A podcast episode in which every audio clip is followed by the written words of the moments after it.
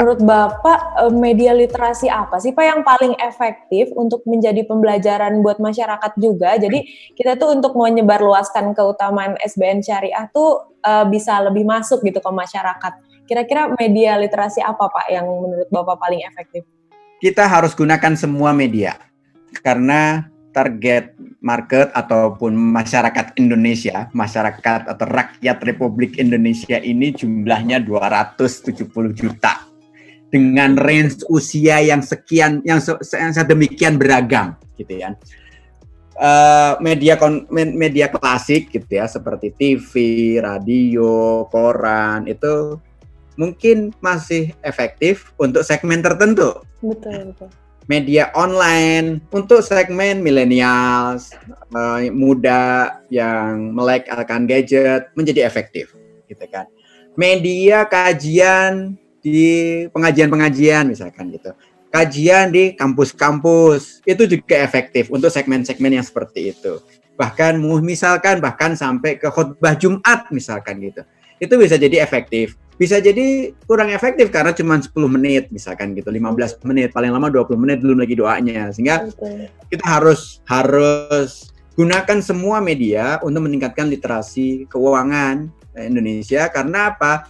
Karena salah satu apa ya salah satu cerminan negara yang maju adalah ketika literasi keuangannya itu tinggi dan kita juga harus menyelamatkan dalam tanda petik gitu ya uh, aset masyarakat kita dari terjebak ke dalam investasi bodong misalkan. Nah, betul itu penting banget Pak. Nah, sehingga edukasi semacam ini dan kenapa uh, ketika ditanya media saya bilang semua media harus dipakai, semua media harus dipakai meskipun tentu ada prioritasnya ya, tergantung segmen mana yang ingin ingin disasar.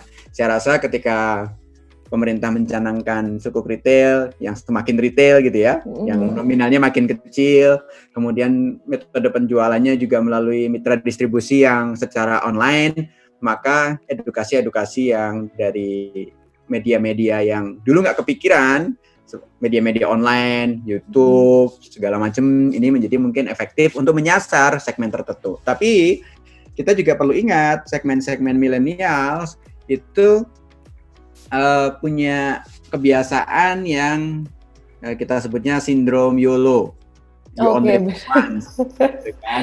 Betul sekali ini. Spesifikasinya untuk ya udahlah Instagramable hmm. atau FOMO, fear of missing out, khawatir ketinggalan zaman. Nah, bagaimana kita bisa mengubah supaya orang merasa ketinggalan zaman, enggak keren kalau belum investasi di suku retail misalkan gitu. Wah, itu enggak dia. gaya kalau enggak ini. Sehingga harus harus seperti itu. Hanya saja memang millennials ini mungkin juga udah ke, udah kebawa nih untuk mau berinvestasi, termasuk investasi di sukuk retail.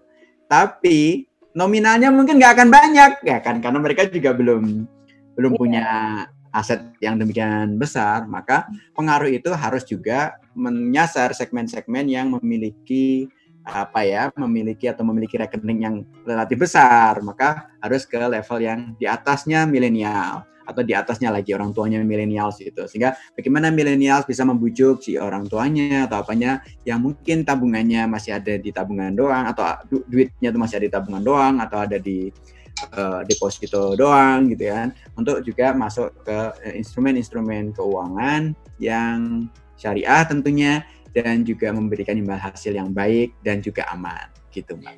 Wah bener banget tuh Pak.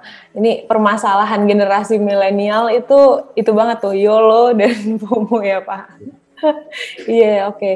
Jadi uh, di tengah banyaknya dunia online ini nih Pak, kita kan juga sudah pasti dengan adanya platform-platform online seperti Bareksa gitu salah satunya. Hmm. Itu kan juga hmm. memudahkan investor untuk menggunakan suku retail, membeli suku retail gitu kan tadinya mungkin sulit harus ke bank atau harus gimana gitu ya Pak ya.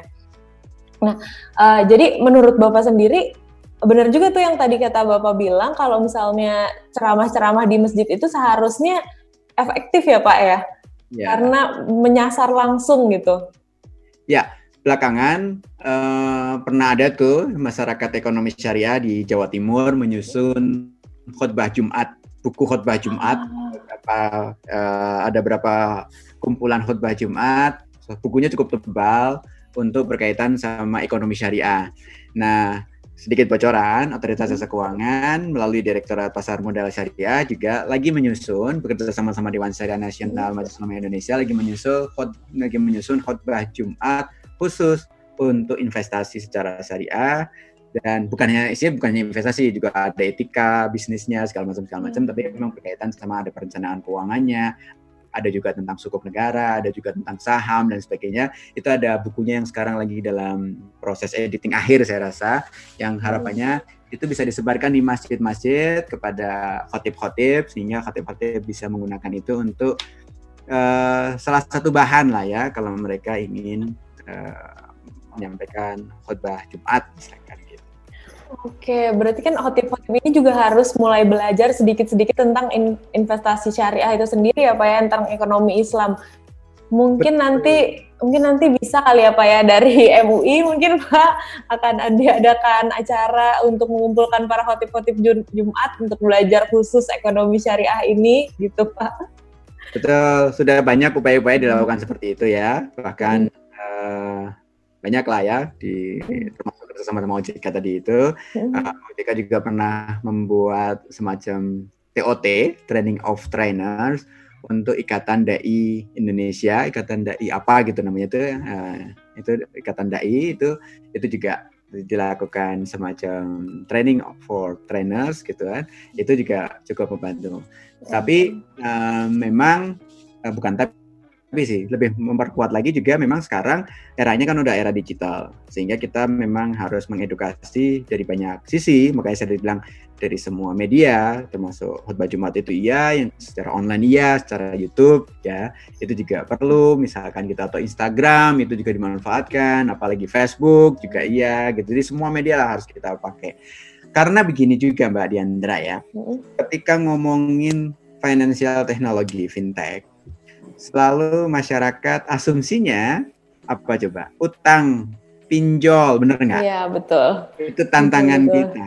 Jadi uh, financial teknologi, uh, digitalisasi dalam transaksi keuangan, masyarakat tuh lebih banyak memanfaatkannya untuk pinjaman, which is itu uh, apa ya, menggerogoti betul, gitu kan, betul. gitu.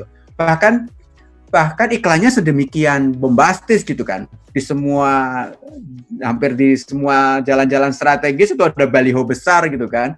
Ya, pinjam dengan apalah biaya murah lah uh, fasilitas ini malah menurut saya sih agak kurang etis ya dalam dalam dalam beriklan ya. Saya mengatakan bahwa fasilitas ini hanya akan menjadikan Anda lebih terdepan daripada teman-teman Anda yang masih menabung gitu. Iya, iya, iya betul. Jadi Anda selalu bisa memiliki loh barang-barang itu tanpa harus nabung lama-lama gitu. Padahal harus bayar ya, Pak.